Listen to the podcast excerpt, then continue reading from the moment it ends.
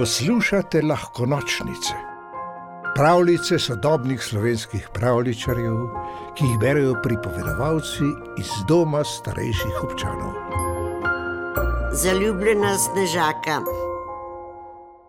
Tisto leto je zapadlo veliko snega, toliko, da ga je bilo treba odmetavati tri dni in noči, da so ljudje lahko prišli iz svojih hiš. Odrasli so godrnjali in tarnali, otroci pa so bili veseli, kot že dolgo ne. Toplo so se oblekli in se odpravili na zasnežene poljane, travnike in griče, kjer so se sankali, kepali in postavljali snežene može. Tudi v zaspani grapi so otroci postavili dva snežena moža, enega na levem in drugega na desnem bregu.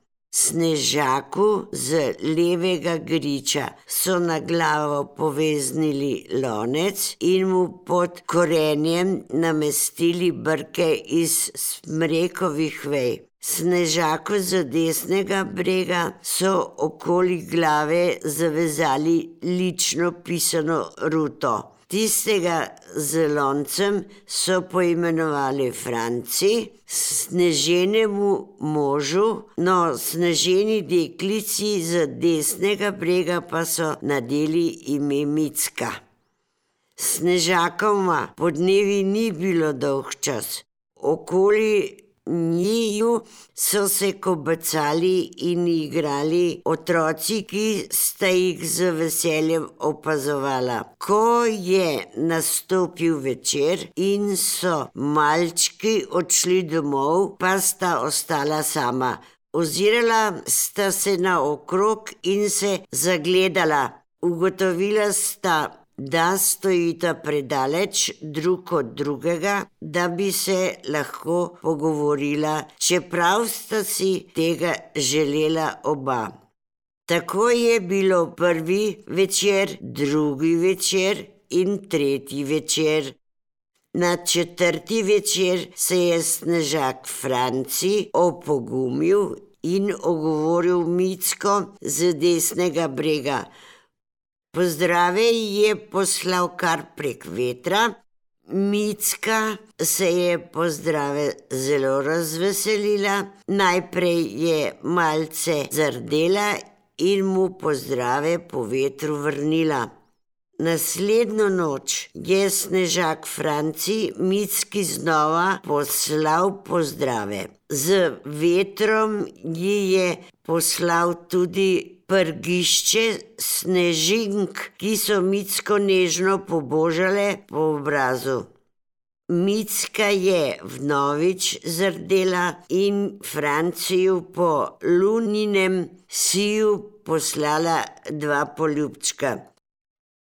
Šesto noč se je zgodilo nekaj čudežnega. Snežak Franci je na nebu opazil zvezdni utrinek. Zaželel si je, da bi se lahko odpravil na sosednji grič.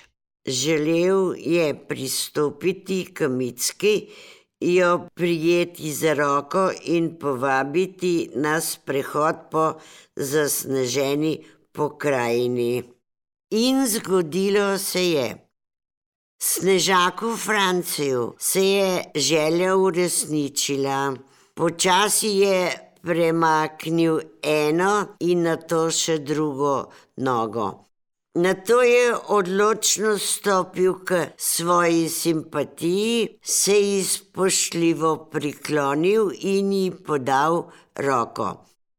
Micka jo je nežno prijela in snežaka sta odšla na dolg sprehod po tihih poljanah. Združena pod zvezdami sta klepetala, se smejala in si nekajkrat za dolgo časa zazrla v oči. Tik preden je napočilo jutro, sta se postavila vsak na svoj grič. kot da se ni nič zgodilo. Veter je zabrisal njune sledi in otroci, ki so se prišli igrati v zaspano grapo, niso vedeli, kaj se je po noči zgodilo. Naslednjo noč, ko je zimsko nebo prečkal prvi zvezdni utrinek, si je Micka zaželela, da bi se s Francijem lahko družila vsako zimsko noč. Franci se ji je zdel čeden in prijazen. In tako je tudi bilo.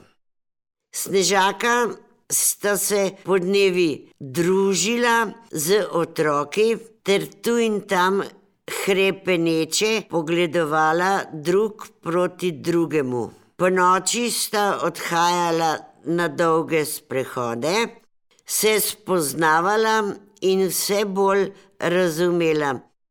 Zimske noči sta preživljala sanjavo, lebdeče in zaljubljeno, do uše zaljubljeno. Ko pa je prišla pomlad, sta neke noči skrivnostno izginila. Otroci so se spraševali, kam sta odšla ju je pregnalo toplo sonce, sta se česa prestrašila ali sta nemara odšla v deželo večnega snega in ledu, kjer v svoji hiški vzgajata male snežake. Točnega odgovora ni vedel nihče. Vsi pa so ju pogrešali, zato so sklenili, da se naslednjo zimo znova srečajo. Pravljico napisal Žiga X. Gombač, pripovedovala Zlata Vrečak. V deželo princesk, zmajev, gozdnih vil in ostalih čarobnih biti, ste vabljeni na lahko nočnice, pika si, pa lahko noč.